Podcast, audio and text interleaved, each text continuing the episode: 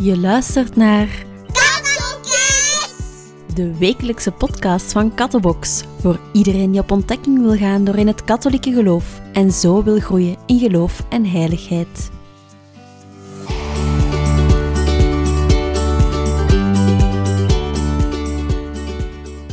Hallo allemaal, hier Kim van Kattokids weer, met deze keer een aflevering over de heilige Don Bosco. We bidden om te beginnen het gouden pijlgebed. In de naam van de Vader, de Zoon en de Heilige Geest. Amen. Mogen de meest heilige, meest gewijde, meest geliefde, meest mysterieuze en onuitsprekelijke naam van God altijd geprezen, gezegend, bemind en verheerlijkt worden, zowel in de hemel als op aarde, door al Gods schepselen en door het heilig hart van onze Heer Jezus Christus, in het heilig sacrament van het altaar. Amen. Vandaag gaan we het weer hebben over een heilige, een Italiaanse heilige, die leefde in de 19e eeuw en die als grote kindervriend gezien wordt. Deze heilige is gekend als Don Bosco. Don Bosco was toen hij 26 jaar was priester geworden en hij werkte in Turijn, waar hij onder andere gevangenen moest gaan bezoeken. Door de industrialisatie en de verstedelijking in het midden van de 19e eeuw waren er in Turijn heel veel arme gezinnen. Bij het bezoeken aan de gevangenis zag Don Bosco veel jongens tussen 12 en 18 jaar en was geraakt doordat ze daar zaten, vermoedelijk door hun armoede gedreven tot het plegen van misdaden, om toch maar aan eten te komen. Don Bosco besloot om zich te focussen op die jongens, om hen te helpen uit de gevangenis te blijven. Hij zocht hen op waar ze werkten en waar ze rondhingen. Hij hielp hen werk te vinden en een warme slaapplaats te hebben s'nachts. Hij nam zelfs de wezen onder hen zelf in huis. Hij werd hierbij geholpen door zijn eigen moeder die mee voor de kinderen zorgde. Uiteindelijk zouden ze zo'n 800 wezen opgevangen hebben in hun huis. Don Bosco zorgde voor eten voor de jongens, hielp hen waar nodig en speelde voetbal met hen. Hij had als kind enkele goocheltrucs geleerd en deed ook goochelshows en poppenkastvoorstellingen om de jongeren samen te brengen en over de Bijbel te leren op een leuke manier en om hen vertrouwen te winnen. Don Bosco begreep dat onderwijs en liefde essentieel waren voor de groei van jonge mensen. Hij geloofde in het creëren van een positieve omgeving waarin jongeren hun talenten konden ontwikkelen. Wat Don Bosco zo speciaal maakte was zijn nadruk op liefde en begrip. Hij gebruikte geen harde disciplinaire methoden, maar benaderde de jongeren als vrienden. Hij begreep dat elk kind uniek was en zijn eigen behoeften had. Don Bosco gebruikte zijn liefde voor goochelen en jongleren om een band met de jongeren te bouwen. Uiteindelijk richtte Don Bosco een jongenstehuis op en hij zorgde dat de jongens er opgeleid werden om een beroep te kunnen uitoefenen. Dat was natuurlijk wel te veel werk voor één man alleen in zo'n grote stad. Daarom richtte hij een orde op met deze missie, namelijk de Salesianen. De Salesianen van Don Bosco, die kennen we nu nog. Deze orde kennen we inderdaad nu nog en ze proberen het werk van Don Bosco verder te zetten. De Salesianen is een religieuze congregatie gewijd aan het helpen van jongeren in nood. Deze gemeenschap van priesters en broeders zette zijn werk voort over de hele wereld. Hierbij gebruiken ze zijn principes van liefde, vriendelijkheid en opvoeding. De naam Salesianen komt van de heilige Franciscus van Sal.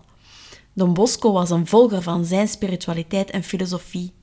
Hij was in het bijzonder geïnspireerd door de woorden: Alles in het leven moet gedaan worden door liefde en niet door dwang.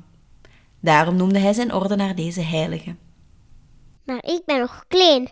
Het verhaal van Don Bosco is van een grote mens. Don Bosco is ook een kind geweest zoals jij. Hij werd geboren als Giovanni Melchiorre Bosco. Hij was de jongste van drie broers. Giovanni, dat is Italiaans voor Johannes. Op jonge leeftijd verloor hij zijn vader en zijn moeder voedde hem daarna alleen op. Doordat hij zijn vader verloren was, groeide de kleine Don Bosco op in armoede. Hij kreeg geen scholing, maar werkte om voldoende eten voor het gezin te voorzien.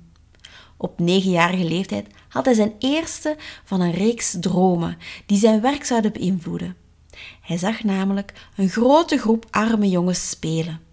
Ze spraken slecht over God. Dan zag hij een man die nobel gekleed was. En moeder Maria zei tegen de nobele man dat hij een vriend moest proberen te zijn, door zachtheid en vriendelijkheid te tonen, om zo de jongens te kunnen tonen dat zonde lelijk is en deugd mooi. De jeugd van Giovanni was niet gemakkelijk, maar mede door de dromen kreeg hij de roeping om priester te worden. Gelukkig zegende God hem door een priester in zijn parochie die het talent van Don Bosco herkende en hem hielp om de nodige scholing te krijgen, zodat hij enkele jaren later toch in het seminarie kon intreden. Giovanni Bosco had geen gemakkelijke jeugd gehad, maar hij heeft wel een groot leven geleid en vele lessen nagelaten voor elk van ons. Wat kunnen we leren van Don Bosco? Don Bosco werd heilig verklaard door de katholieke kerk vanwege zijn buitengewone bijdrage aan het welzijn van jongeren. Hij is niet alleen een heilige, maar ook een beschermheilige van jongeren en studenten. Wat kunnen wij dan leren van die Don Bosco? Ten eerste het belang van vriendelijkheid en begrip. Hij behandelde jongeren met respect en met liefde, wat ons inspireert om ook hetzelfde te doen. Daarnaast herinnert Don Bosco ons eraan dat iedereen, ongeacht hun achtergrond, de kans verdient om te groeien en te bloeien. Tot slot wil Don Bosco dat we een vreugdevol leven hebben. Zijn advies hiervoor is: leef voor God alleen, wees dienstbaar. Let op met wie je omgaat, zodat je positief beïnvloed wordt en niet wegvalt van de Heer. Wees wijs met geld. Wees nederig en draag vreugdevol je kruis. Vertel eens de leuke weetjes over Don Bosco. Soms wordt Don Bosco afgebeeld met een grote wolfshond. Dit omdat hij zo'n hond had met de naam Grigio, die met hem altijd meeging om hem te beschermen wanneer hij s'nachts door de donkere steegjes onderweg was. Hij onderrichtte Domenico Savio, een intrigerende jongen die als kind stierf. Don Bosco schreef de biografie van zijn leven, waardoor Savio later ook zalig verklaard werd.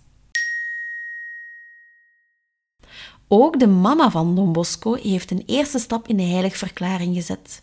Ze heeft tien jaar van haar leven aan zijn zijde gewerkt en is eerbiedwaardig verklaard door de kerk. Het toont dat heiligheid heiligheid aantrekt. Wie een heilig leven leidt, inspireert anderen om ook een heilig leven te leiden. Hoe kunnen we Don Bosco vieren? Zijn feestdag is op 31 januari. We kunnen bidden tot Don Bosco om ons te helpen het goede te zien in elk kind en in elk mens. We kunnen hem nadoen door een poppenkast of een goochelshow te doen over een Bijbelverhaal, voor onze ouders of voor onze broers en zussen. We kunnen vreugdevol zijn in het leven, op God vertrouwen en tot Maria bidden, zoals Don Bosco ons voordeed. Om te eindigen opnieuw een uitdaging voor jullie deze week, naar het voorbeeld van Don Bosco. Probeer deze week een vriend te zijn voor iemand die misschien wel wat extra vriendelijkheid nodig heeft. Het kan een klasgenoot zijn, een buurman of een familielid. Laten we Don Bosco's erfenis verder zetten door vriendelijkheid en liefde te verspreiden, speciaal onder de jongeren om ons heen. Bedankt voor het luisteren naar deze aflevering van Kato Kids. Hopelijk kan dit verhaal van Don Bosco je inspireren in je groei naar heiligheid. Hier sluiten we af voor vandaag.